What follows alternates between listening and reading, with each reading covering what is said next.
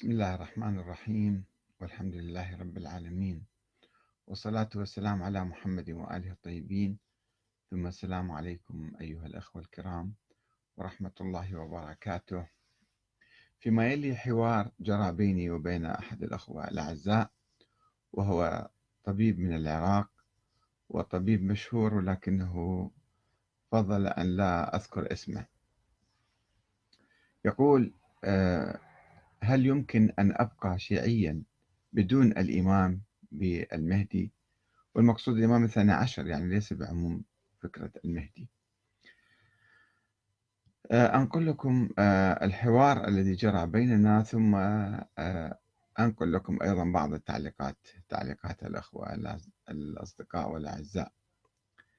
فقد اتصل بي في البداية وقال أستاذ أنا من متابعيك على اليوتيوب وأتابع لقاءاتك. قلت له شكرا جزيلا وفقك الله.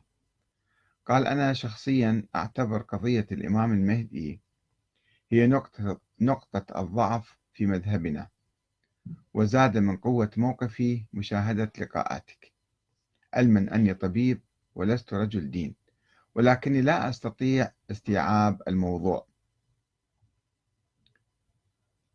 أنا أجبته بما يلي قلت له نقطة الضعف الكبرى والأساسية هي نظرية الإمامة الإلهية المثالية الخيالية الوهمية المنقرضة والتي لا نزال نلوكها ونعاني من آثارها السيئة في حياتنا السياسية والاجتماعية المعاصرة.